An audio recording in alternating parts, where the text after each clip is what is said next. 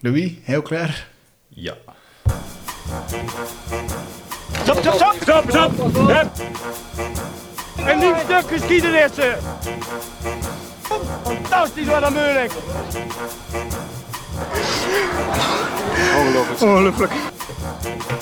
Dit is een onwaarschijnlijk kabinetstuk. We kennen het allemaal. Het gevoel te willen ontsnappen aan het da- dagdagelijkse, de drukte aan de tijd. Voor ons en wellicht voor velen van jullie is er geen betere plek om dat te doen dan in de vrije natuur. Handen op het stuur, hoofd tussen de bladeren. De wind die ons uitput, maar tegelijkertijd ook nieuwe energie geeft. De kasseien die de sleur van ons afschudden. De ontdekking van onbetreden paden en nieuwe parels. Laat dit nu juist hetgeen zijn dat onze gast drijft, zijn talent. Nick is steeds zelf op zoek en helpt elke fietsminnen, elke fietsminnende bij het ontdekken van nieuwe wegen en routes.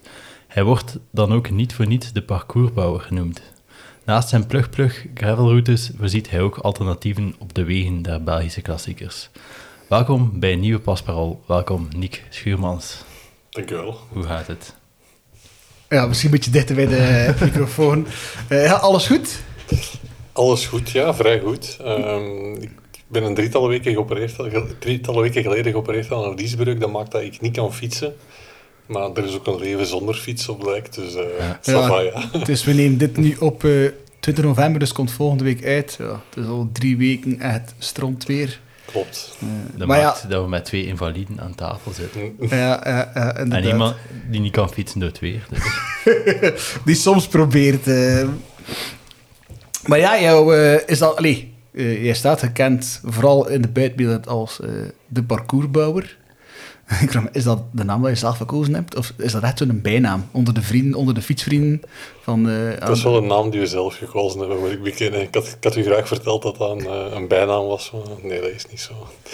Maar het is wel iets waar ik al ja, heel lang mee bezig ben. Ehm, eigenlijk, als ik terugga naar mijn kindertijd, dan was ik al bezig met een alternatief parcours voor de Ronde van Vlaanderen op mijn tiende of zo. In een tijd dat er, eh, dat er nog met stratenatlassen was en topografische kaarten en dat er nog geen eh, internet of veel weinig internet bestond. Ehm, dus ja, het is zeker wel iets dat...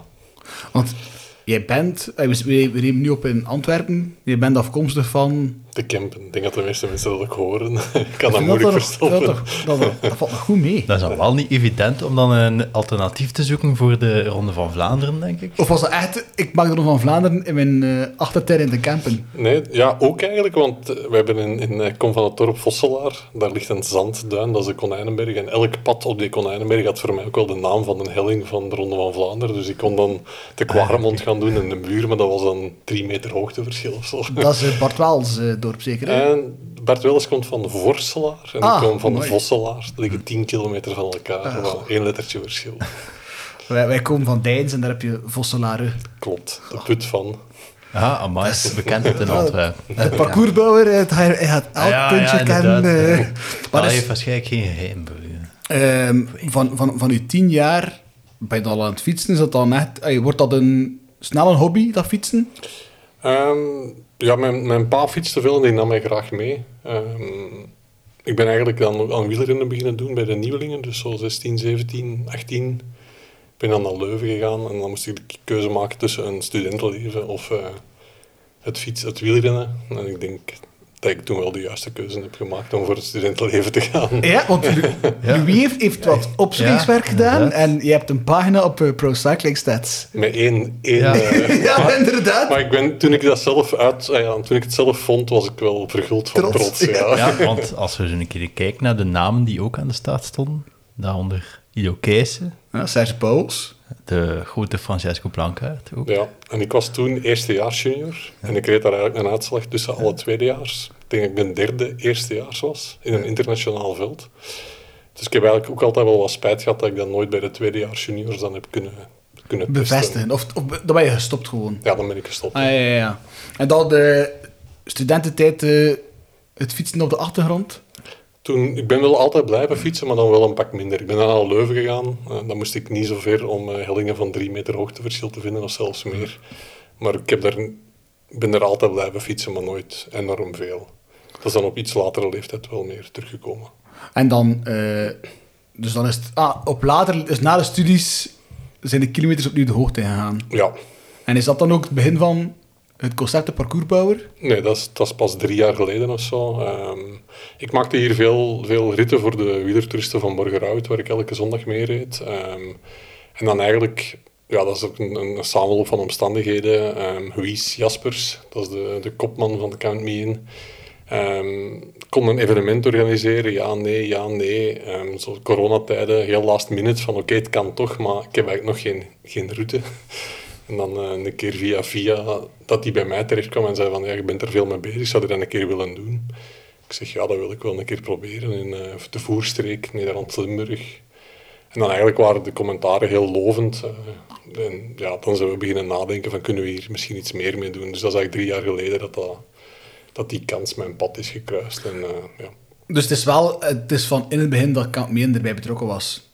Ja, In het, in het feit dat zij dan evenementen organiseren en dat jij de, de routes maakt. En die evenementen konden dan niet doorgaan met corona. En dan zouden we beginnen nadenken van zouden we een GPS-platform kunnen maken. En dus dat is dan eigenlijk de kiem zit in die coronajaren. Is dat dan, ehm, hoe moet ik dat zeggen? Begin jij van nul? En ik wil zeggen, eh coronajaren, hè, dan komt het idee om eh, routes te maken. Of had hij al een, eh, een heel pakketje routes in uw eh, achterzak? Nee, want dat gravel begon dan op te komen. En dat was ook voor mij in het begin wel zoeken van wat is dat gravel en wat voor paden moeten we daarvoor zoeken. Dus dat was voor mij eigenlijk nieuw. Op de, op de koersfiets natuurlijk wel. We deden elk jaar wel wat ritten in mooie streken. Dus daar had ik wel een goed beeld van. Ehm, de Vlaamse Ardennen hadden voor mij ook niet geheimen of zo, als ik daar een parcours moest uitstippelen. Maar gravel wordt dan wel iets helemaal anders. En dat is dan ja, echt wat zoeken van...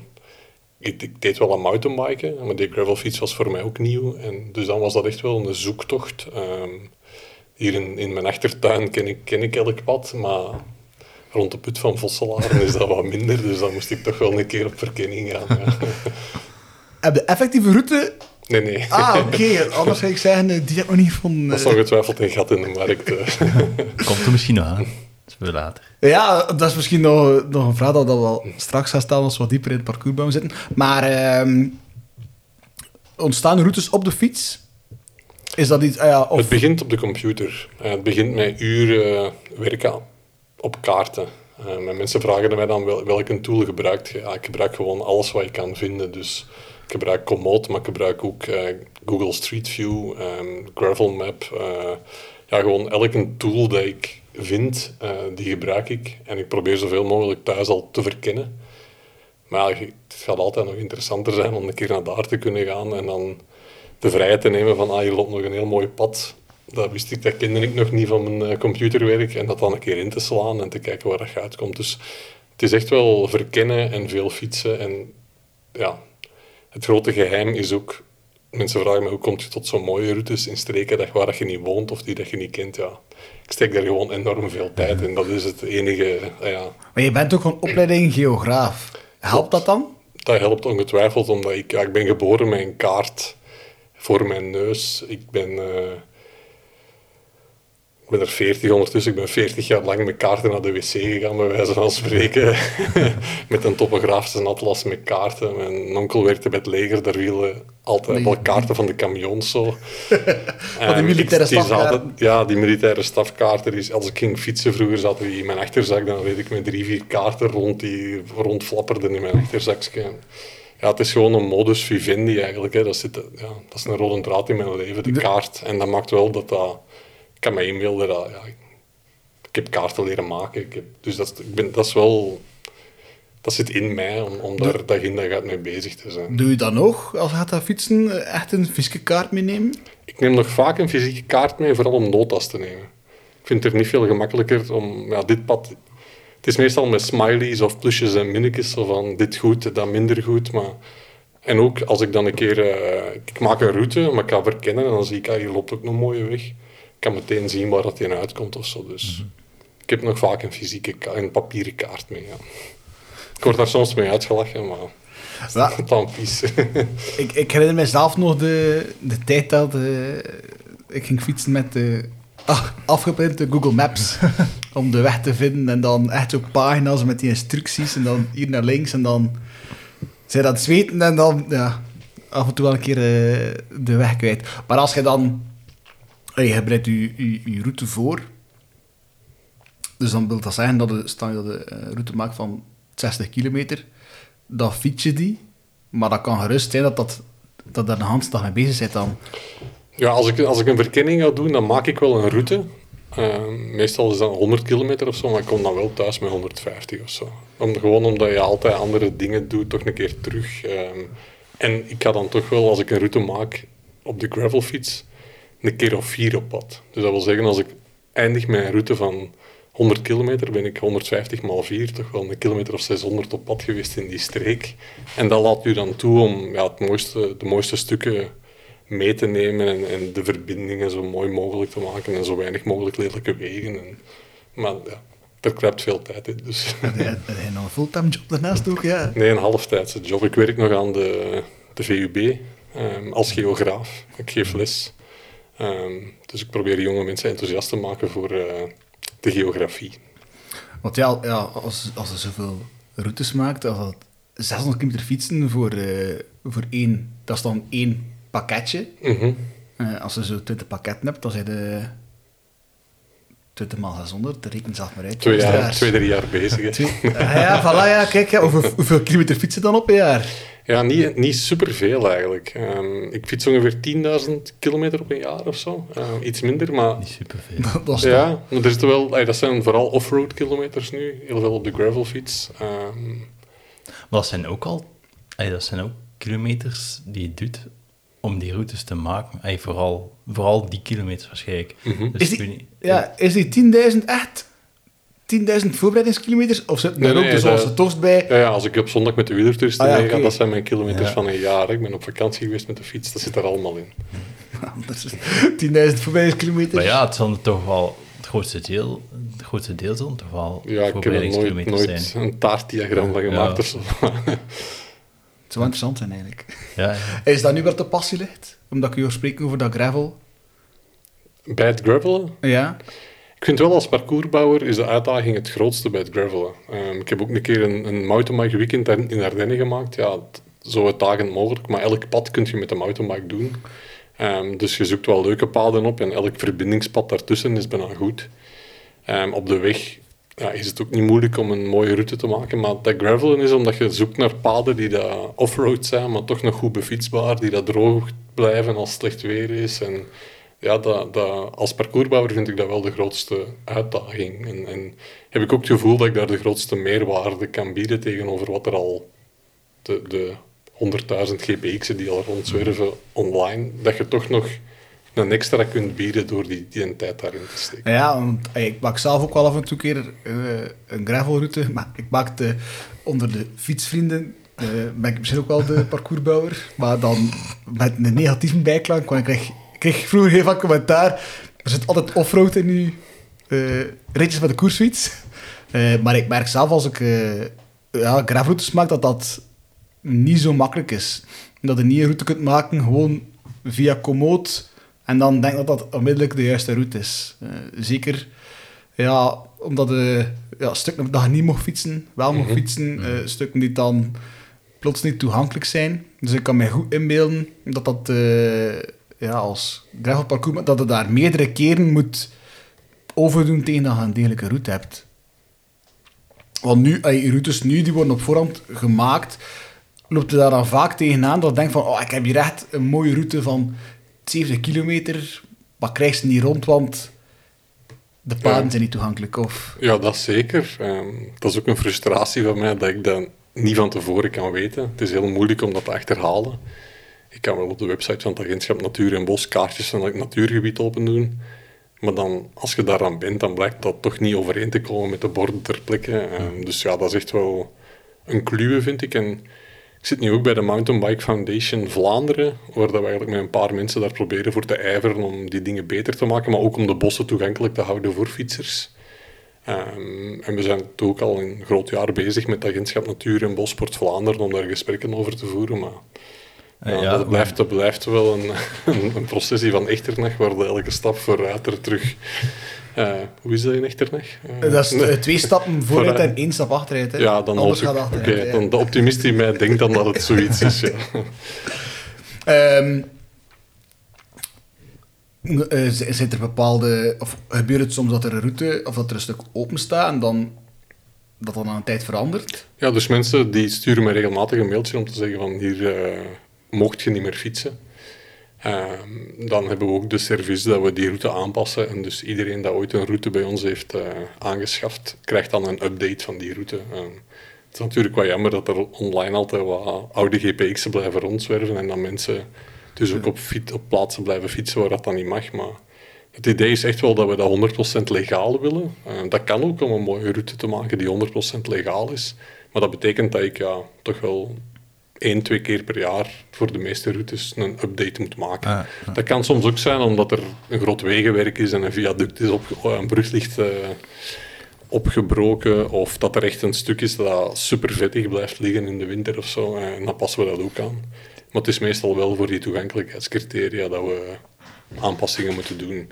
Eh, soms omdat we, dat ik het niet gezien had, eh, dat het niet mocht. Ehm, of soms omdat er dan een bordje komt en de toegankelijkheidsreglementen zijn veranderd. En dan moeten we de route aanpassen om eh, nog legaal te zijn. Krijg je dan ook soms zo feedback van de mensen die, Ja, ja, ja. Het, eh, die het aan het rijden zijn en zeggen van, oh, kun je niet door? Ja, Eh, ah, ja. Ik, heb mijn, ik weet niet of mijn gsm-nummer zo bekend is. Oh ja, nee, want ik bedoel, nee, nee, niet van Ja, dat, Nick, ik eh, kan niet door. Maar wel achteraf. En we hebben ook een systeem dat we die dan belonen met, een- met, met een route. ehm, om, om, om die, ja, ik kan niet elke week alle routes gaan fietsen. dus, Nee, eh, uiteraard. Ik heb ehm, het Swin gereden. mhm. Allee, want even om te kaderen, we zijn misschien wat los door elkaar aan het gaan. Eh, de parcoursbouwer is, dat is parcoursbouwer.cc. Mhm. Dat is het gedeelte waar dat eh wielertoeristen of eh profrenners, gelijk wie, eh GPX'en kan kopen voor ehm gravelritjes, mountainbike en voor eh, de weg. Mountainbike nog niet, maar Ah, gravel, maar- en, ah, wel. gravel en de weg wel. Ja, en ehm, dus dan krijgt hij ruil een de GPX, eh, een pdf met eh, uitleg, met stopjes en dergelijke, en een kortingsbon. Ja. En dan heb je daarnaast nog plug plug de event, maar dat zullen we straks bespreken. Maar ik heb dus van de zomer eh, het parcoursje, eh, het Swin. Was plezant. Het was zeer plezant, ja, ja, het was zeer plezant, maar ik ga ook, ik ga eerlijk zijn, het was de eerste keer dat ik ben, eh, ja, niet van mijn fiets doe, maar wel ben tegengehouden. Ah, oei. Ja, eh, door iemand die zei, je mag niet met de fiets rijden. En ik dacht van, dat kan niet, want ik heb dat gekocht. En waar was dat dan? Dat was ehm, op het einde van de route. En, ehm goh, ja... waar Je moet ik zat- merken sturen, hè, dat ik Ah, wel, maar ik dacht dat het aan mezelf lag. Van, ja, ik zal verkeerd gereden. En ik, ik dacht eerst van, dwaas nep, stop met zeven. En ik weer verder. En dan zag ik effectief dat er een bord stond dat een stukje van de, van de GR-route was. Enkel wandelaars. Maar ik heb dat niet gemaild, want ik dacht van, de kans is groter dat ik zelf heb fout gereden, dan dat eh aan, aan Nick lag. eh, Het zou mij verbazen op van- die route. dat dat maar- mezelf lag. Hè. Want ik heb het... Ik heb dan ook de, het event, het Zwin gereden, en daar eh, heb ik dat stuk niet tegengekomen. Ah ja. Dus het zal wel aan mezelf liggen. maar ehm zijn er zelf ook al eh, zo, ja, tegenhouden door een boswater in het... eh, Nee.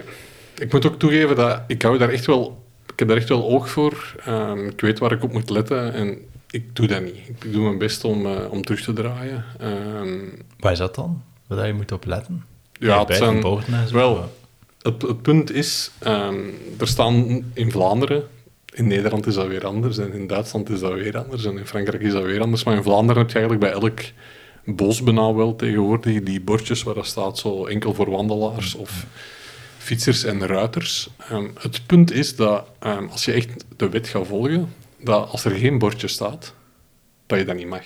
Dan mag je er eigenlijk niet in. Er moet een bordje staan dat je met de fiets mag. Eh, ah, en als er en- geen bordje staat, dan mag als je er er geen bordje... Eigenlijk is het echt de wet van, je mag nergens fietsen. Tenzij het staat dat je mag fietsen. Ja. Het is natuurlijk een gedoogbeleid dat dat dan, dat, dat, dat, dat wel kan. Ja. Er zijn voor, weinig... voor veel mensen is geen bordje vrije toegang. Dus, Ja. ja, ik denk ook wel, het gaat ook wel voor mij om, om vriendelijk blijven. En ik zal remmen voor wandelaars. Ik heb altijd een fietsbel bij. Ehm, ik let extra op bij honden en kleine kindjes. Ehm, maar ik vind wel dat we als fietser in het bos ons best moeten doen om de beste versie van onszelf boven te halen en vriendelijk te zijn en, en af te remmen. Omdat ik voel dat ja, dat er wel een neiging is om meer en meer af te sluiten. En dat onze hobby in de toekomst wel eens bijzonder moeilijk zou kunnen worden als, eh, als we op ja, Ik- deze weg blijven verder Ik merk ook wel als je aan het gravelen bent, dat de mensen soms ja, gepikeerd zijn omdat ze niet verwachten daar een fiets tegen te komen. Mhm. Ook al heb je ja, een bel Ja. bij dat het dan echt ja, soms een beetje zuur wordt gereageerd, eh, omdat ze niet verwachten daar een fiets in tegen te komen. eh, of omgekeerd, dat Verstaanbaar ook. Ja, als, toch- als ze er mogen fietsen. Ja, nee, ja, ja. Ook al mooi de fietsen, denk ik, ik denk dat gewoon veel mensen er geen rekening mee houden van, ah, er kan hier ook gefietst worden. En eh, loslopende honden, hè. Als het mag, dan mag het, vind ik. Ah, ja, Ja. dat- Ja, inderdaad. Maar dan kun je nog altijd als fietser wel je best doen om je kenbaar te maken, om vriendelijk te zijn, om de goede dag te zeggen. Ja, en niet om er, niet om er langs te scheuren, eh, dat is eh nipt raakt. eh. Mensen springen dikwijls aan de kant en dan roep ik ook altijd van ik heb tijd, ik heb tijd, zo rustig aan. ja, ik denk, dat dat, ik denk echt dat dat kan helpen om... om ja. Ja.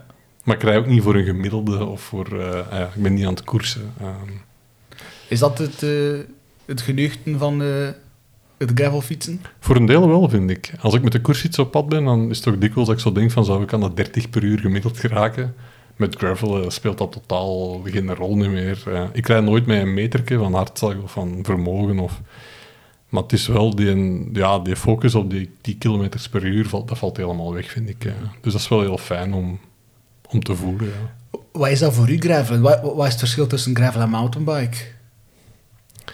Ik vind het altijd een moeilijke vraag, omdat ik vind het perfect legitiem om te zeggen als gravelaar dat je de mountainbike-route, en ik weet niet waar gaat doen, en super technisch. En ik zie dat, ja, dat lijkt mij plezant. En dat is dan nog technischer omdat je met die gravelbike op pad bent. Maar voor mij gaat het om eh, ja, wegen die vlot bollen, eh, met een harde ondergrond, eh, zonder wortels en zonder ehm, los zand. En, dus ja, dat zijn de wegen waar ik naar op zoek ben, ehm, zoveel mogelijk. Ehm, maar dan komt het toch altijd op het punt dat je nog een afweging moet maken van pak ik dat extra stukje asfalt mee, of pak ik eh, dan toch een keer dat stukje singletrack mee, wat dan misschien een mooi... Dus je bent dan nog... Ja, elke route is het gevolg van duizend keuzes dat je maakt. eh, en je probeert daar tot een mengeling te komen van niet zoveel mogelijk offroad, want dan zijn we weer te technisch aan het zoeken of te modderig, of, maar veel offroad en schone stukken asfalt, eh, dat mag zeker ook. Ehm, ja. Dus dat is altijd wel een zoektocht. Is er zo... Of zeg maar, Louis. Ik denk dat bij gravel ook meer, like dat je juist zei, meer het onderweg zijn is dan bij mountainbike. Omdat mountainbike, denk ik, ey, associeer ik dan toch meer met eh, ja, die techniciteit van, eh, van het fietsen en dat, dat uitdagende zoeken. Terwijl dat ik dat bij gravel minder zie, Mhm. denk ik.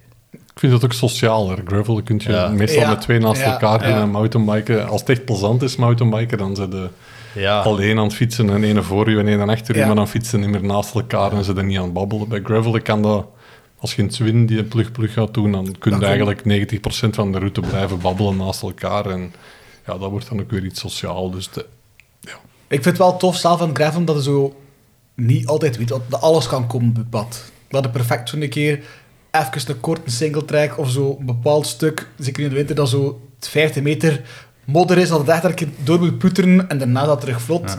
Dat, vind ik, dat, dat vind ik wel geestig aan gravelen. ehm. Maar eh, dus, eh, dus hij zo een, eh, een checklistje. Vooral het begin, als hij zegt, of, ik belde naar niks, zeg, ja, voor mij graag een route rond Voslareput. Dan zegt als, ik een route- als ik een route maak, dan moet daar dit, dit, dit en dit in voorkomen.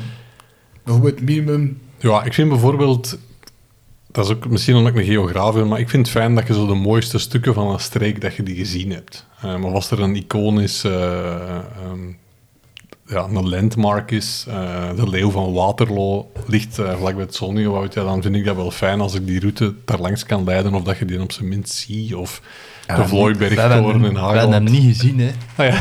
We hebben, we hebben de plug-plug van het Zonjo uitgereden. Maar eh, Oh, een slechte been. ja, de moraal zat diep en we hebben ja, afgedraaid voor... Dan gaat het toch een keer moeten teruggaan, Ja. ik, man. Sowieso. Ehm, dus dat, denk, dat, dat vind ik wel fijn, dat je ja, mooie vergezichten, mooie panorama's, een idee van die streek. ehm, en voor de rest is het ja, minstens 50% eh offroad. En ik probeer er ook zo wel een erezaak van te maken van geen eh, lelijke wegen. Je hebt zoveel van die lintbebouwingswegen met zo'n smal fietspad naast. Ja, dus dat wil ik ten allen tijde, als het kan, vermijden. Dat is dan een van de dingen dat je bijvoorbeeld op voorhand wel opzoekt van, kijk, ik ga naar die streek, wat zijn die landmarks, like dat je zegt? Of misschien zelfs parate kennis bij u. Ehm, en daar rond ga ik mijn... eh mijn Als dat route- kan, hè, want het is dan ook altijd weer afwegen van, heb ik daar vijf kilometer asfalt voor nodig om daar te geraken, of een hele slechte weg, dan doe je dat ook niet. Mhm. Dus ja, het is zo altijd wat afwegen en, en het is puzzel. Het is echt een puzzel met duizend stukjes die iedere keer zo weer in elkaar moet vallen. Ehm, maar dat is ook wel plezant. Hè. Dat, ja, dat voelt altijd wel als een uitdaging aan. De eerste keer ga je fietsen, denk je van, oeh, dat wordt hier ingewikkeld. En dan aan tijd voelt je vindt dan een alternatief en dan gaat je nog eens voor een derde keer op pad en vind je ook voor dat lelijk stuk nog een alternatief. En dan denk je van, ah, misschien moet ik die 20 kilometer toch nog in de vuilbak gooien en dan ga ik het beter, ja. Het is zoeken. Ik kan me voorstellen dat België of bepaalde streken toch zeer weinig geheim nog hebben voor u. Het rare is, ik ben, ik ben geen automobilist. Ehm, en dat betekent dat ik zo al die binnenbaantjes ken, maar als ik dan zo'n keer op een grote baan ben of zo, dan denk ik van, oei, waar ben ik nu? maar er zijn wel natuurlijk wel heel veel punten van Vlaanderen waar ik mijn weg begin te kennen. Ik vind het wel tof aan, de routes van de parcoursbouwer dat daar ook ehm, tussenstops in zitten. Ik wil zeggen, of horecagelegenheden. Wat dat vaak iets is dat ik, als ik zelf route maak, oftewel ben ik te lui naar te kijken, of, of, of, of vind dat niet, en dan, dan doe je 100 kilometer, maar meestal ja, 100 kilometer drinken of eten meenemen, dat is, al, dat is al moeilijk. Dat is al tof als je bij je een van de routes dat je altijd weet van, ik ga hier wel een keer iets tussen komen, en het is meestal niet 5 kilometer voor het einde, maar op het juiste moment. ehm. Ja. Ik heb eh, van de morgen toevallig een tekstje geschreven over mijn vijf favoriete stopplaatsen onderweg. Dus, eh, Ah, kijk, voilà. ik vind dat zelf ook altijd plezant om zo ergens in een café binnen te gaan of een tof brasserieken. Of, eh, ja, dat is een meerwaarde hè, als dat kan. Eh, ja. Ik vind dat een vereiste. Zijn er ehm, ja, stukken in, in, in, in België van dat je zegt van oké, als, als we daar gravelroute willen doen, is het gewoon moeilijk of lukt het gewoon niet? Ehm, ja, dat is, je hebt regio's waar dat gemakkelijk is en regio's waar dat moeilijk is. Ehm, Wat is de moeilijkste regio? Voslaar Put waarschijnlijk. ja, ik denk zo inderdaad wel West-West en sommige stukken ook van Oost-Vlaanderen waar je weinig bossen hebt ehm, en ook niet superveel gravelwegen. Dat is moeilijker. Zwin bijvoorbeeld is 50% offroad. Eh, de korte route van Soniewoud is 98% offroad. Ja. Je kunt niet in West-Vlaanderen een route maken met 98% offroad. Of zelfs 70 is moeilijk als je dat wat gravel-vriendelijk wilt houden. Ehm, ja, dus ik denk dat dat wel moeilijke, kot- moeilijkere cotés zijn om een mooie route in elkaar te steken. eh. Wat is, wat is voor u het absolute minimum? Ja, ik vind die afroaden? 50, 50 is zo voor mij wel een drempel. Ik vind als je daaronder gaat, dan zit echt wel veel op asfalt aan het fietsen. Ja. Als je dan een, eh, een, route maakt voor een koersfiets, eh, wat zijn dan de, de, de, de sleutelpunten dat je je route opmaakt? Is het dan puur topografisch? Van, dat zijn de mooie, of de landmarks? ja, dan gaat dat vooral over mooie wegen, hè, en slingerende wegen en een auto breed. En ja, dan vind ik, dan is, vind ik dat fijn. Of, het hangt er ook weer iedere keer van af. Je begint ook aan een concept. Zo. Ik heb ook een rondje Vesdervallei, waar ik echt zo'n murenrit van wou maken. Dan ga ik er gewoon om van ja, hoeveel belachelijk steile klimmen kan ik in 100 kilometer duwen. En je komt op 100 kilometer aan 3000 hoogtemeters in, in België. Ja, dat vind ik dan een uitdaging, dat vind ik plezant. En dan zoek ik toch nog naar mooie wegen om dat wat door elkaar te breien. Maar dan is het vertrekpunt vooral van, ik wil hier gewoon ten ene zotte klim na de andere waar niemand ooit van gehoord heeft. Ja, dat, dus dat is dan weer een ander vertrekpunt. Of ik heb hier ook een kassei-klassieker die vertrekt vanuit Antwerpen. Dan gaat het erom van, in een streek dat niemand met kasseien verbindt, hoe kunnen dan toch aan 20 kilometer kasseien op 100 kilometer komen of zo. Dus je vertrekt altijd vanuit iets, iets anders. Ehm, of hoe kun je in de Vlaamse Ardennen die kasseien dan weer precies vermijden of zo. Dus Dat is een interessante route, P. Maar dat is wel een, het groot, verschil tussen... allee, want ik denk dat mensen wel durven redeneren van ja, waarom zou ik geld betalen voor een GPX als het toch op Route U en, Komoot als voor niks staat. Maar er is een groot verschil tussen een GPX en de effectieve route. Eh, en bij u, eh, als je dat pdf krijgt en het staat beschreven, dan weet je ook echt wel, oké, dit is hier 3000 hoogtemeters en het is de ene, ja, het gaat allemaal boven 15%, maar dat je ook routes hebt in de buurt van, van Hoei, dat de mensen associëren met heel steile puisten, wat dan allemaal wat, wat, wat glooiender is. Ja, het is inderdaad het idee dat, we, dat mensen weten waar dat ze aan beginnen. Ik schrijf daar ook altijd een lange tekst over. Eh, Ik probeer natuurlijk mensen enthousiast te maken om die route te gaan fietsen, maar ik probeer daar ook wel eerlijk in te zijn en te zeggen van dit is wat technischer. Eh, hier is het, ja, dat is echt allemaal champagne, gravel, andere routes weer. Dus ja, en het is ook gewoon een soort van... Ch- Champagne gravel, dat moet wel gereid zijn. Ja, wij al Hastro Gravel gehoord. Ja. Ik weet niet dat het... Ah, ja, dat zal dezelfde kant Ja? op gaan, denk ik, ja. Champagne gravel, dat is gewoon... Ja, glad, glad gravel, waar dat je... eh, Van die heel- fijne... Ja, zo wat dolomietikkels of, of fanta- zonder grote keien en... en ja, Dat is mijn gravel. Ah, ik dat niet zo graag. Dat is wat die gravel dat je gerust met de koersjes kunt doen. sommige stukken wel, ja. Ben er minder van. Ehm, hoe beslis jij die afstand? Ja, dat is ook wel gewild een, een, een korte route die zoals 60, 70 is en langer van 100, maar dat hangt er dan ook weer van af. Als ik merk van ik kom er niet met 100 kilometer, dan kan dat wel eens 120 worden of eh, 150. We merken ook wel dat, dat mensen echt op zoek zijn naar uitdagingen ehm, en dat in die zin ook wel interessant is om wat langere routes te maken. Dus we hebben volgend jaar ook een evenement, eh 200 mijl. Eh, dat is de afstand van een Dirty Kansas, eh Unbound heet dat tegenwoordig.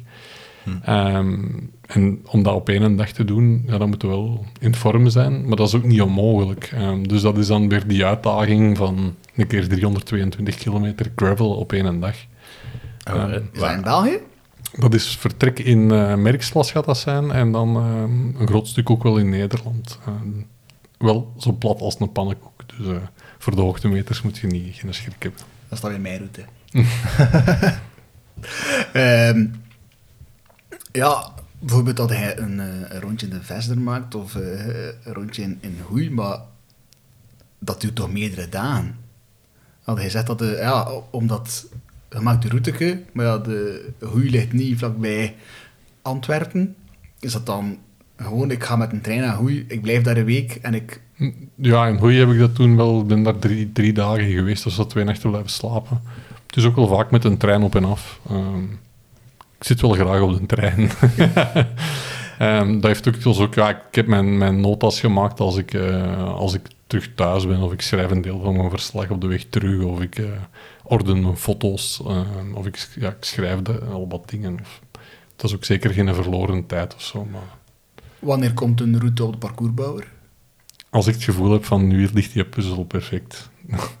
Is dat echt Ehm. zo eh, een spreekwoordelijke kelder? Ja, excuses. Nee, Dat was ik Eh, niet. Dat was mijn ik niet. spijt, de, de spreekwoordelijke kelder, dat er eh, de hippiekjes hangt te rijpen.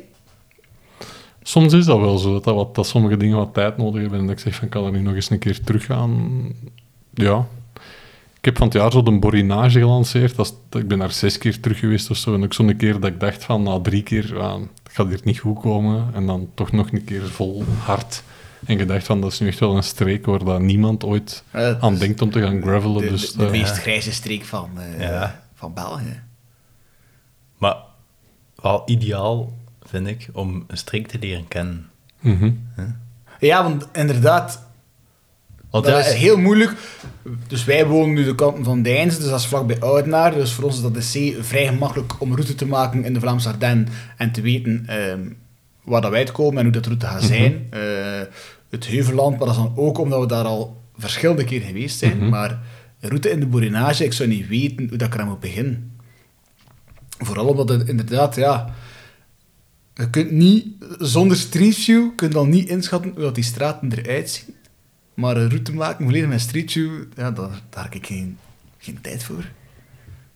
Doe je Ja, Street View laat u enkel toe om als er een keer een gravelweg, een asfaltweg kruist, om te gaan kijken van hoe ziet die kruising eruit. Dat zegt niks over de rest van die weg. Dus dat is dan ook weer, het geeft een kleine indicatie, maar het is niet dat je dan weet hoe dat eruit Dus je moet echt wel ter plekke gaan en dan met mijn smiley's, met lachende en huilende gezichtjes eh, aan de slag. En dan, ja, na veel gepuzzel komt er dan toe om een mooie route te maken. Maar dat is elk land is dan ook weer anders. In Duitsland is er geen Street View. Ja, privacy het zijn er, ja, dus ja, het is, het, is, het is overal ook wat anders om, om met die kaarten weer te leren omgaan en die te leren lezen. En wat staat er nu juist op? En als in Frankrijk staat eh, op de topografische kaart van dat is een gravelweg, dat is verhard. Eh, offroad, maar verhard.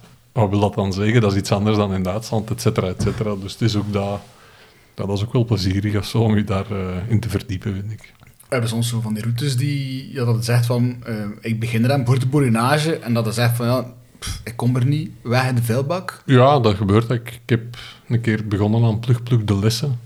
En daarna een keer gaan fietsen en nog eens een keer gaan fietsen. En uiteindelijk gedacht van, ja, dit wil ik niet op de website zetten. Dus ja, dat gebeurt inderdaad wel, dat je aan iets begint en fantastische ideeën denkt te hebben, maar dat dan in de praktijk toch niet zo eh, niet werkt. Ja. En waarom werkt het dan niet? Omdat het de wegen te slecht zijn, meestal. eh, ja. Dus is slecht ja. voor de gravel. Ja, Dat te veel, te veel mountainbike wordt. eh, Ja. Dus ja, wortelpaden en... ja. Nou, kijk, dus voilà.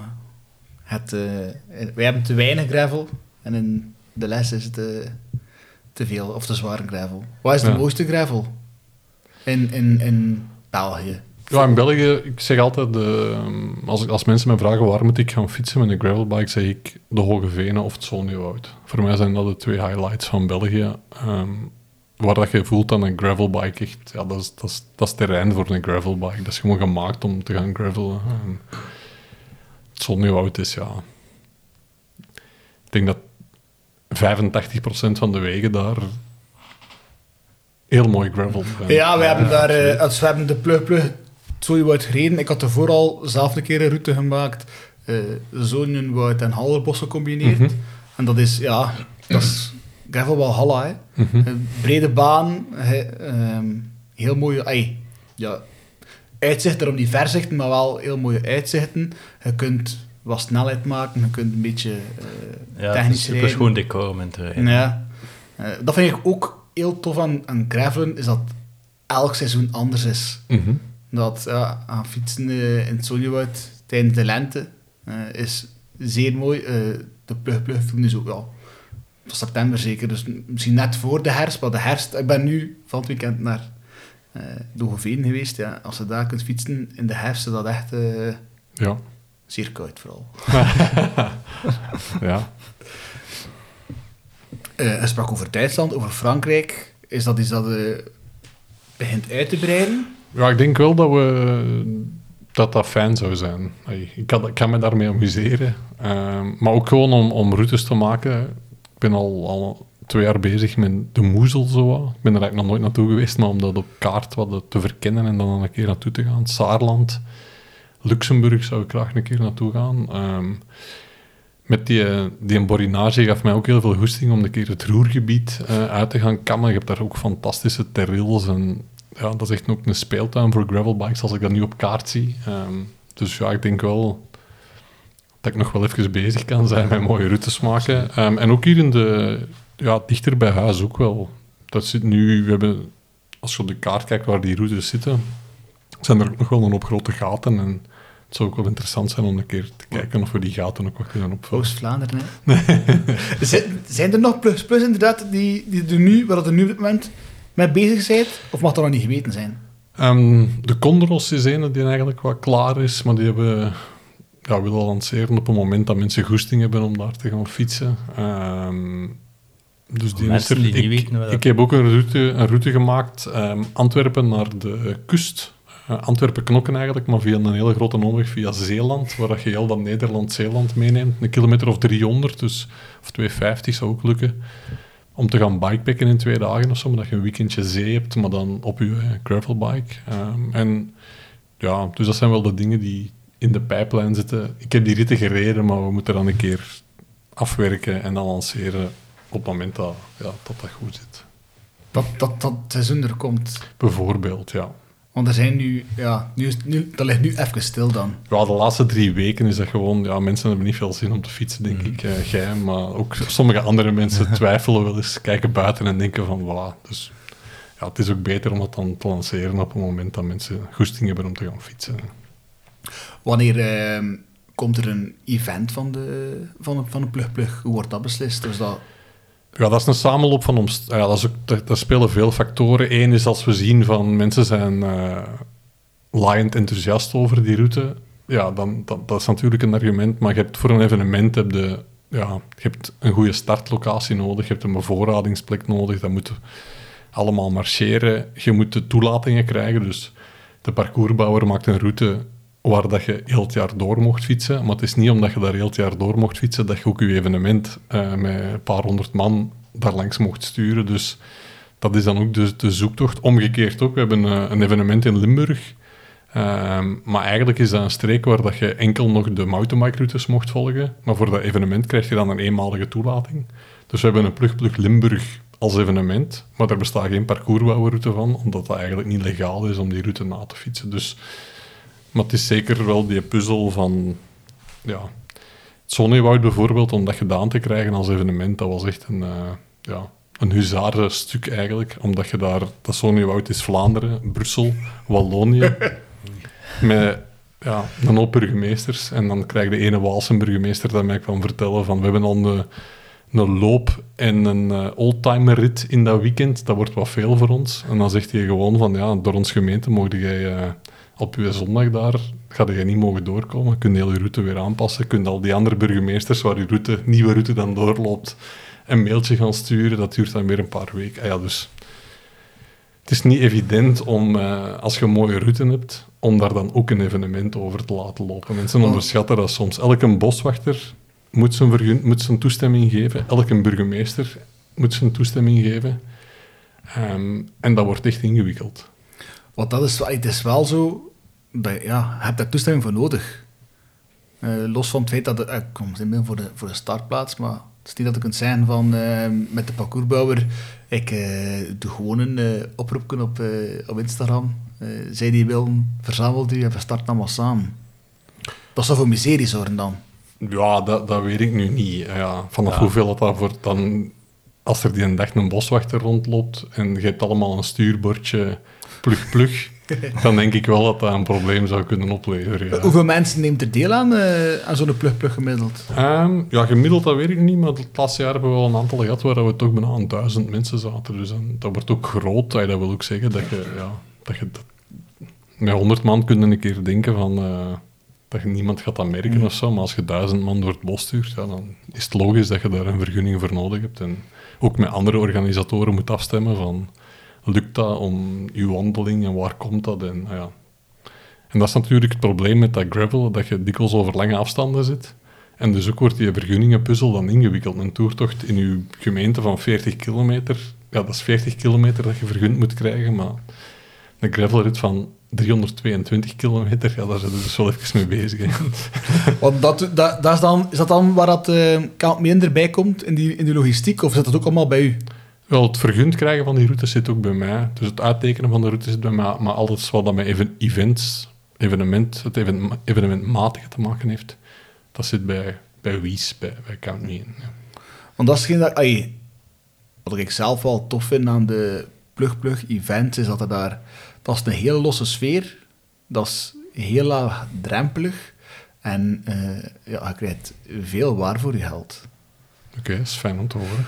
Ja, dat is... Ja, als het vergelijkt met de, de Met de- standaard met de- cyclo's de- de- in het uh, Vlaamse Vlaamse Ardennen-landschap, dan vind ik ja, dat is Ze toch meer dan kop en schouders Ja, bovenuit. sommige mensen zeggen van dat is veel geld om, om te gaan fietsen en daar hangen nog niet eens eh, pijltjes. Ehm, Ik kan dat snappen voor een stuk. Je hebt toertochten waar dat je 5 euro betaalt, maar het is natuurlijk als je... Er is bijvoorbeeld eten achteraf. Ja, alleen al als je nadenkt van ik zou gaan fietsen en ik zou achteraf iets willen gaan eten, ja, dan ga je meer kwijt zijn bijna dan... dan dus ja, in die zin lijkt die prijs mij ook wel gerechtvaardigd en denken ook duizend andere mensen dat dat gerechtvaardigd is. Dus ja. Het is, het is ook gewoon duur allemaal om, om dingen te organiseren, om een zaal af te huren, eh, om mensen te hebben die daar werken. Eh, dat is ook niet allemaal met vrijwilligers. Dat, is, dat is niet de lokale Giro die dan een keer iets organiseert. Dus je moet mensen ook betalen om... Dus ja, dat is een professionele organisatie en dan staat daar inderdaad ook wel een, een faire prijs tegenover, denk ik. Ja. Dus ja, eh, pijltjes in, in, in- het Sonywoord. Dat neemt Ik denk ook wel een heel snel ja. het misten, eh, een pijltje. Ja, de GPS was daar blijkbaar toch ook niet altijd even gemakkelijk. Dus we hebben ook wel mensen gehoord die... Ik heb, ik heb er ook één heel uitdagend stukje in gestoken in de route voor het evenement daar. Er was zo'n... eh, dat is een achtsprong, noemt dat, denk ik, in het park van Tervuren. Daar komen acht wegen bij elkaar. Maar als je dan Ja, echt gaat ja. kijken dan op de paadjes, dan komen er nog veel meer paadjes bij elkaar. En ja, ik wist, ik wist dat dat niet evident zou zijn. Maar dat lijkt mij ook wel een keer een uitdaging om daar dan op dat punt te komen waar dat je 12 opties hebt. Eh, Dat is deel van de charme. ja, voilà. Ja, ik vind dat, is- ik vind dat wel. Dat is zo wat deel van dat gravelrijden Eh. is. Ja, toevallig die verkeerde weg inslaan en... En na twee minuten zien we, ah shit, verkeerd. Ja, ja. Eh, wat was voor u de, de, de meest uitdagende route die je al gebouwd hebt? Ja, ik denk die morinage, dat dat echt wel... eh, daar heb ik op gevloekt en het meeste tijd in gestoken, denk ik. Dus dat, ik denk dat dat wel de meest uitdagende was. Maar dat, dat is soms ook moeilijk in te schatten. Bijvoorbeeld, ik ken, ik ken de streken hier rond Antwerpen op mijn duimen. Ja. Maar dan kwam die vraag van, gaan we een keer een gravelroute bouwen? En eigenlijk heb ik daar ook nog superveel tijd in gestoken. Gewoon omdat ik eerst richting eh Bergen op Zoom en zo zat te denken. En dan een keer of twee, drie proberen, dacht van ja, dat gaat toch niet goed komen. En dan heb ik die route gelegd langs dat dij van Westmallen en zo. En nu is dat, vind ik dat echt een plezante route geworden. Maar dat is ook niet de eerste, ja, van de eerste poging gelukt. Terwijl ik hier ja, elke weg wel in de, in de, in de buurt ken. Dus dat is dan ook grappig dat dat ook uitdagend kan blijken te zijn om iets in mijn eigen achtertuin te maken. Of zo. Doe je dat allemaal alleen? Ehm, ik fiets graag alleen en ik ben wel vaak alleen op pad. Ehm, maar ook ehm, Pieter Stokmans gaat ook vaak mee en trekt de foto's voor de website. Eh, fantastische dingen dat hij doet. En die fietst ook vaak mee. Maar de routes bouwen is wel iets dat ik... Ja, mensen sturen mij soms dingen op van je moet een keer kijken. En, Maar ik voel dat ik graag van een wit blad begin. Eh, dus ik ga niet van de route van iemand anders beginnen en dan een keer kijken wat ik... Ja, Maar krijgt ze wel tips doorgestuurd van mensen? ja van- mensen... Ja. ja. Heb je, heb je ook zo een, een testpubliek? Dus als je zegt van, voor mijn eigen, de route is klaar. Nee. Ik laat dat eerst keer testen door een paar mensen. Als ik het goed genoeg vind, dan... Ja. eh, Dan is moet de rest van volgen. hè. Dan de lat ligt misschien al, eh, al vrij hoog. Hè. probeer mijn lat hoog te leggen, ja. Eh, je- je maakt ook ja, routes op, op aanvraag. Daar hebben we nog niet superveel gedaan, maar dat lijkt... Dat ja, kan wel. Dat kan, ja. Dat is dan voor eh, bedrijf X of Y die zegt van... Dat zou bijvoorbeeld kunnen, of eh, moesten er toeristische diensten luisteren en die zeggen van, eh, dat is echt eh, iets dat we graag zouden hebben, dan, eh, dan lijkt me dat een goed idee. Die, Eh, die, die slijsterik, weer al een Ja. oproep. Ja, en ook wel mensen, ik heb ook al mensen gehad die zeggen van, eh, ik ga gravel in de Hoge Venen en ik heb daar die bikepackerroute van 200, 300 kilometer, eh, maar ons huisje is daar. Kun je dan een keer eh, een stuk aantekenen en dat heb ik ook al gedaan, dus ja. Ah, mooi. Ja. Moest- Ja, ja, ik dacht dat dat echt enkel zo voor, eh, voor groepen of like, toeristische diensten zijn, wat echt zo voor Ja, ik kan- kleine familiegroepen. Heb ik al gedaan. Ja. Ah, dus, tof. en is het dan beperkt tot België? We staan nu, eh, Louis en ik eh, hebben het eh, plan opgevat om, eh, ja, om deze zomer eh, door IJsland eh, te bikepacken. Nou ja, dat zou ik nu... ik, ja, ik kan nu voor de eerste keer ehm, in, eh, in de winter nu, binnen een grote maand, eh, naar Colombia. op vraag van een reisorganisatie die een fietsreis wil maken. Dus dat is voor mij de eerste keer dat ik zoiets in elkaar ga steken. Dat is natuurlijk fantastisch om zo'n vraag te krijgen. Maar dat, ook dat... Ja, er klapt zoveel tijd in dat maken van die routes dat ik dat ook enkel zou doen in een streek die ik al ken. Tenzij nu... Ja, dat is wel plezant om een keer naar Colombia te kunnen gaan. Dus dat... Maar Ja. IJsland bijvoorbeeld, ja, ik kan dat niet doen omdat ik dat niet gen- genoeg ken. Nou Ja. Maar ik zou ook wel graag een keer naar daar gaan, dus misschien moet ik het toch eens bekijken. Maar dat is dan echt puur omdat de, de kwaliteit van je routes zodanig hoog ligt dat jij zelf geen routes zou afleveren die je niet zelf gefietst hebt. dat, dat zou ik al niet kunnen. Hè. Ja, ja. Nee. Ja, dat is wel logisch, toch? Dus je moet dan bellen naar dienst Leistrik en dienst eh, IJsland. Ja, dienst. Ehm, maar dus, heb jij ook bikepacroutes? Ja, we hebben nu twee bikepackroutes. Eén in de Hoge Venen Eifel en dan één in mijn geboortestreek, de Kempen. eh vertrekkende van Turnhout richting Eindhoven en terug. Eh, dus twee routes dat je toch wel een weekend zoet mee bent. En er is dan een derde in de pijplijn, Antwerpen, knokken met een grote omweg. En dat is dan allemaal ja, rond de 200, 300 kilometer. Ja, een weekend weg. Maar dat zijn wel dingen die ik ook meer wil doen, eh, omdat ik merk dat mensen daar ook... Ja, dat is plezant, hè, om een keer een weekend weg te kunnen gaan. Ja, zeker als dat, als dat, als dat beperkt blijft tot België, dan is Ja, of wel als het in je eigen streek is zelfs. Allee. gewoon een keer eh, twee, drie dagen. Ja, eh, het hou je dan rekening met overnachten in de tent? Of? Ehm, ik maak dan zo echt een uitgebreide ehm, startgids, noemen wij dat. En daar staan dan ook overnachtingsplekken in. En dat zit dan in bed and breakfasts. Of een hotel. ehm, of paal kamperen, eh, waar dat dan mag of zo. Dus ik probeer daar wel zo breed... Ja. Er zijn mensen die hun tent overal opzetten, dus dan, ja, dan, dan hoeft dat niet te ingewikkeld te zijn. Maar campings en ik probeer... Ja, er zijn mensen die op verschillende manieren aan bikepacken doen. Eh, ik ben zelf niet zo'n supergrote kampeerder, moet ik bekennen. Dus ik vind dat wel fijn om een goedkoop kamertje te huren ehm, ergens en een warm bed te hebben en een douche. En, ja. Dat is ook het spijtig aan België, dat je in C nergens mogen kamperen, hè, wild. Bij die palen, hè. je hebt zo'n ja, zo van die ja. eh, ding. Dus dan moeten we wel eh, overnachten in eh, Ja, ja, een. B&B'tje of een, of een hotelje. Eh, het is misschien tijd voor onze eh passo die... Parole, parole, parole. Eh, waarin dat we bij zijn gasten polsen naar eh, ja, zijn favoriete gravelstrook, eh kasseihelling, eh, fietservaring. Ik denk dat dat eh, bij u wel een keer zeer interessant kan zijn. Ik ben er nu wel, besef ik, een hele tijd over gravelen bezig en, en mensen daar enthousiast over aan het maken. En ik heb een, een koersfiets eh, ding bij. Ik zou ook, ook een gravel ding... Je mocht eigenlijk nog kiezen. Wilde graag iets in de gravel sfeer of We zullen ze ze alle twee doen. We zullen- Ah, ja, oké. Doe maar eerst die dat je voorbereid hebt. eh. Ja. Ehm, ja, eigenlijk mijn favoriete moment op de fiets, want ik denk dat dat ongeveer de vraag was Ja. die jullie mij gesteld hebben. Ehm, dat was vier jaar terug. Ik heb dat moeten opzoeken, want ik denk niet in jaren. Dus mensen die zo zeggen, want het was 2019. Ik vind het altijd heel raar dat je zo kunt denken. Maar dus het was 2019. en eh, in mijn hoofd waren er eigenlijk een hoop vreemde dingen aan de hand. Ehm, ik twijfelde over de relatie met de mama van de kinderen, et cetera. En die vertelden op een bepaald moment van... Nick, je hebt nog eh, bijna drie weken verlof. Zou je niet gewoon op de fiets springen en een keer gaan fietsen en nadenken? Dat leek mij een, eh, goed idee. ik ben dan naar Compostela beginnen fietsen. Niet per se met het idee van ik moet daar geraken, want ik had ook maar een dag of 16.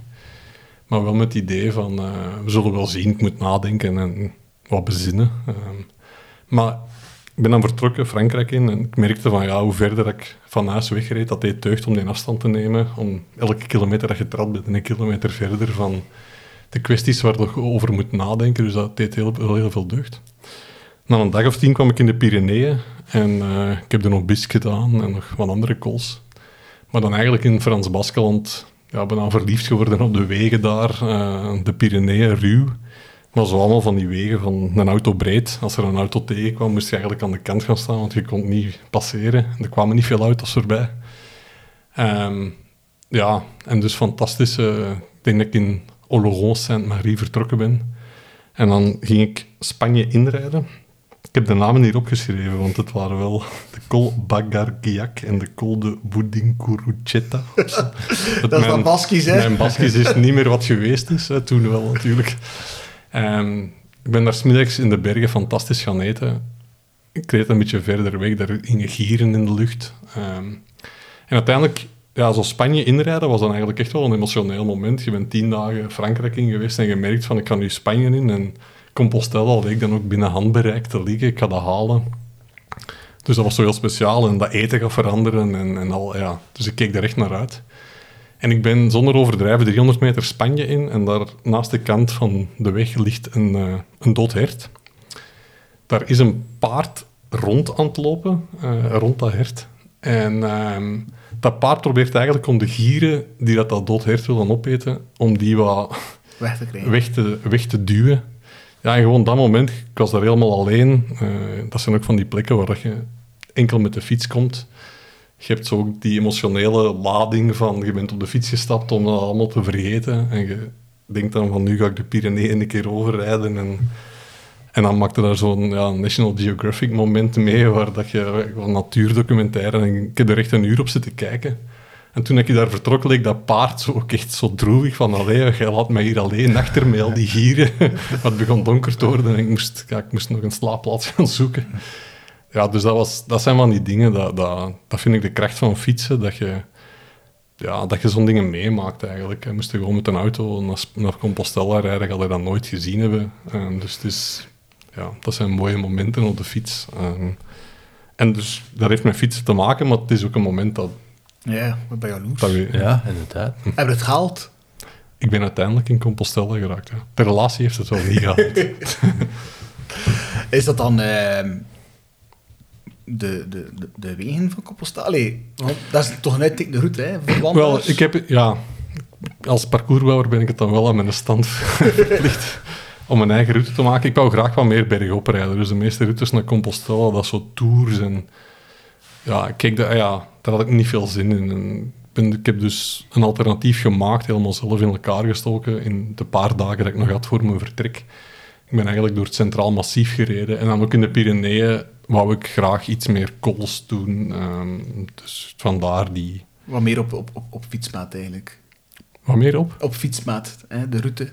Ja, die routes gewoon naar Compostela. Als je dat zo'n boekje koopt, dat is ook op fietsmaat. Maar dit was wat uitdagender en wat meer bergop. En wat mooier natuur, dacht ik ook. Ehm, Maar in Spanje heb ik dan wel echt de route gevolgd van de pelgrims. En dat was dan wel speciaal, omdat je je inschrijft in een traditie van al honderden jaren dat mensen die route doen en op die plekken blijven overnachten. En heel veel mensen die samen onderweg zijn. En ook wel, ja, ik vond het ook wel heel mooi als je dan mensen ontmoet ehm, en je vroeg van, ja, waarom ben op weg naar Compostela? Dat dat eigenlijk genoeg was om een heel levensverhaal te Ja. horen. En ja, heel veel hele mooie momenten meegemaakt. Dus ja, fijn. Komt er eh, misschien ooit een, eh, een gravel-alternatief? Het zou mooi zijn, ja. Gravel met Compostela? Ja, het zou mooi zijn. Want ja, dat, hoeveel kilometer is dat? 2000, een beetje minder. Veel, ja. Genoeg. Ja.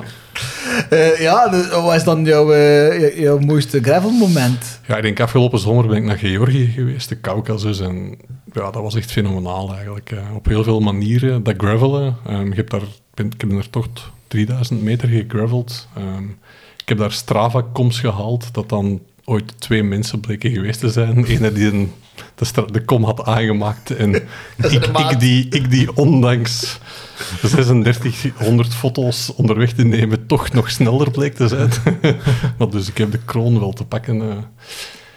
Maar ook ja, de, voor mij gaat fietsen eigenlijk over. Ik denk dat er mensen om, om heel veel redenen fietsen. Het kan gaan om snelheid, het kan gaan om eh, buiten zijn, het kan gaan om het sociaal aspect. Maar voor mij is dat nieuwsgierigheid naar de wereld dat mij drijft om te fietsen. En ja, dat was daar wel super mooi qua eten, ehm, de wijn, de gastvrijheid van de mensen.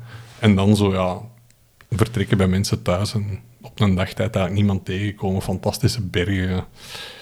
ehm, ongelooflijk mooie gravelwegen. ehm, hoger dan de Alpen. ehm. Ja, het gaat dat echt al eh, een, een zeer mooi land is voor, eh, voor te fietsen. Hè. Is dat ook die, uw... dat is wel grappig om dan richting het einde komen dan u te vragen, maar uw drijfveer om... Of was dat uw drijfveer om met de parcoursbouwer te beginnen, die nieuwsgierigheid? Ehm, ja, ik denk dat wel. Hè, dat, voor mij is dat wel... Ik voel me wel enorm bevoorrecht dat dat mij toelaat om, om te doen wat ik ongelooflijk graag doe. Routes bouwen, fietsen, nie- nieuwsgierig mogen zijn, daar andere mensen enthousiast over maken. Ja, dat is wel, ik voel dat echt wel aan als een privilege of zo, dat ik dat, dat, ik dat kan doen. Ehm, ja. Dus dat, ik, mijn drijfveer is ongetwijfeld de nieuwsgierigheid. Maar ik vind het ook wel fijn dat je dan feedback krijgt van mensen die zeggen van... Ja, je hebt mij wel eh, een dag plezier bezorgd of zo. Dus dat is dan ook wel fijn dat je dat, dat je dat kunt bewerkstelligen. En dat je veel mensen blij kunt maken met hetgeen wat je doet. Dus ja, dat zijn al minstens twee goede drijfveren, vind ik. Z- Zijn er nog, als je naast, dus omdat nu naar Colombia gaat, waar dat is dan misschien wat meer eh werkgerelateerd, eh, zijn er nog landen dat je zegt van, ja, dat zijn echt wel, daar wil ik echt wel nog een keer wat routes maken, of gewoon zelf een keer fietsen. Maar ik denk IJsland wil ik zeker wel een keer naartoe. Eh, zeker tips doorsturen. Ah ja. Maar het, het liefst zelf, hè. Ja. tips. Zijn blij Maar ook ja, de. Balkan of zo, ik ben daar al een keer geweest, maar dat, ik ben nog nooit in Albanië geweest. Ehm, dus dat is ook wel zeker een land dat op mijn radar staat om een keer naartoe te trekken. Ehm, Is het dan met het vliegtuig of met de trein? dan zou ik met vliegtuig Met gaan, vliegtuig, ah, ik. Ik heb ook een jaar in Kaapstad gewoond en ik, heb, ik heb daar toen wel gefietst, maar nooit Zuid-Afrika door. En dat staat ook zeker nog wel op mijn lijst om... eh, en ja, daar heb je heel veel hele mooie gravelwegen. En ik heb hier nog een hele mand vol met kaarten van... eh, hoe heet dat nu weer? Peter Slingsby. Die, dat was voor auto's, maar die bij elke gravelweg een lachend of een... Ja, dat, dat, die gezichtjes komen eigenlijk van hem. dus ik heb hier massa's kaarten van Zuid-Afrika met lachende gezichtjes. En die, die lachen mij al een hele tijd toe en smeken mij van kom toch eens een keer langs, want het is hier. dus ja, dat zou ik ook wel graag een keer gaan doen. En dat wij stil naar het eh, einde van onze podcast staan. We hebben nog, eh, nog één eh, laatste uitsmijter.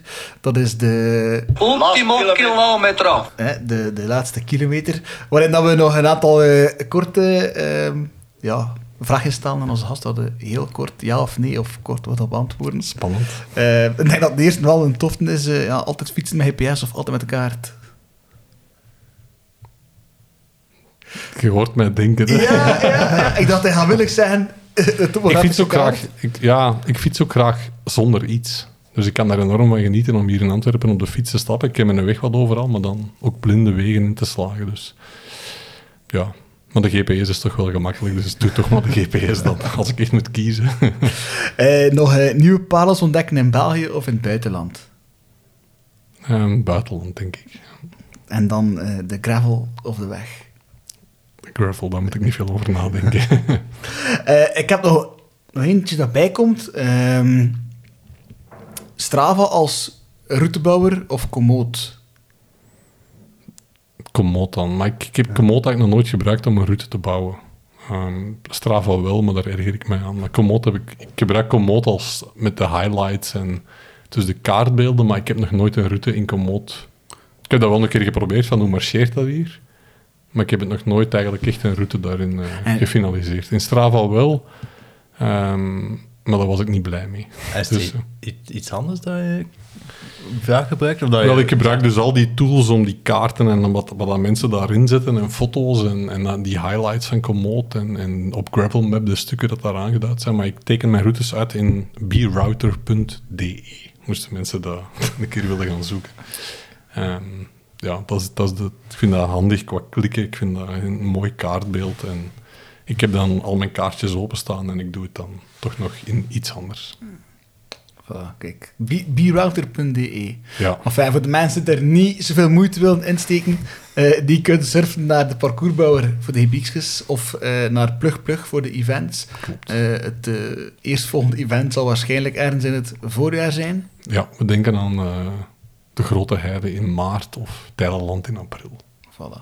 Goed. Ik, ik, moet, ik wil nog één iets zeggen. En ik, eh, ik- bij heel dit gesprek heb ik zo veel vibes gekregen die ik al een keer heb gehad in een podcast. En dat was met de podcast met eh, Wouter de Boot. Van Wel de, bekend waarschijnlijk. van de nieuwsgierigheid en de, het onderweg zijn. Ja, inderdaad. En ik was gewoon aan het denken, hoe schoon zou dat zijn om zelf een route te bouwen en daarnaast de verhalen te documenteren die onderweg, ay, met de mensen of... eh, Dus Louis laat hier eigenlijk een, een ballonnenop voor een samenwerking Ja, tussen, Wouter de Boot en, de eh, parcoursbouwer. Ja, eh. kijk, voilà. Dat is een zeer mooie uitsmijter. Nick, bedankt om ons te ontvangen in die eh, appartementje in Antwerpen. eh, en eh, Louis, bedankt om te co-hosten. En aan de luisteraars, bedankt om er opnieuw bij te zijn. En eh, ik zou zeggen, eh surf maar allemaal naar eh, de parcoursbouwer of begin met je eigen route. En tot de volgende. Paspel.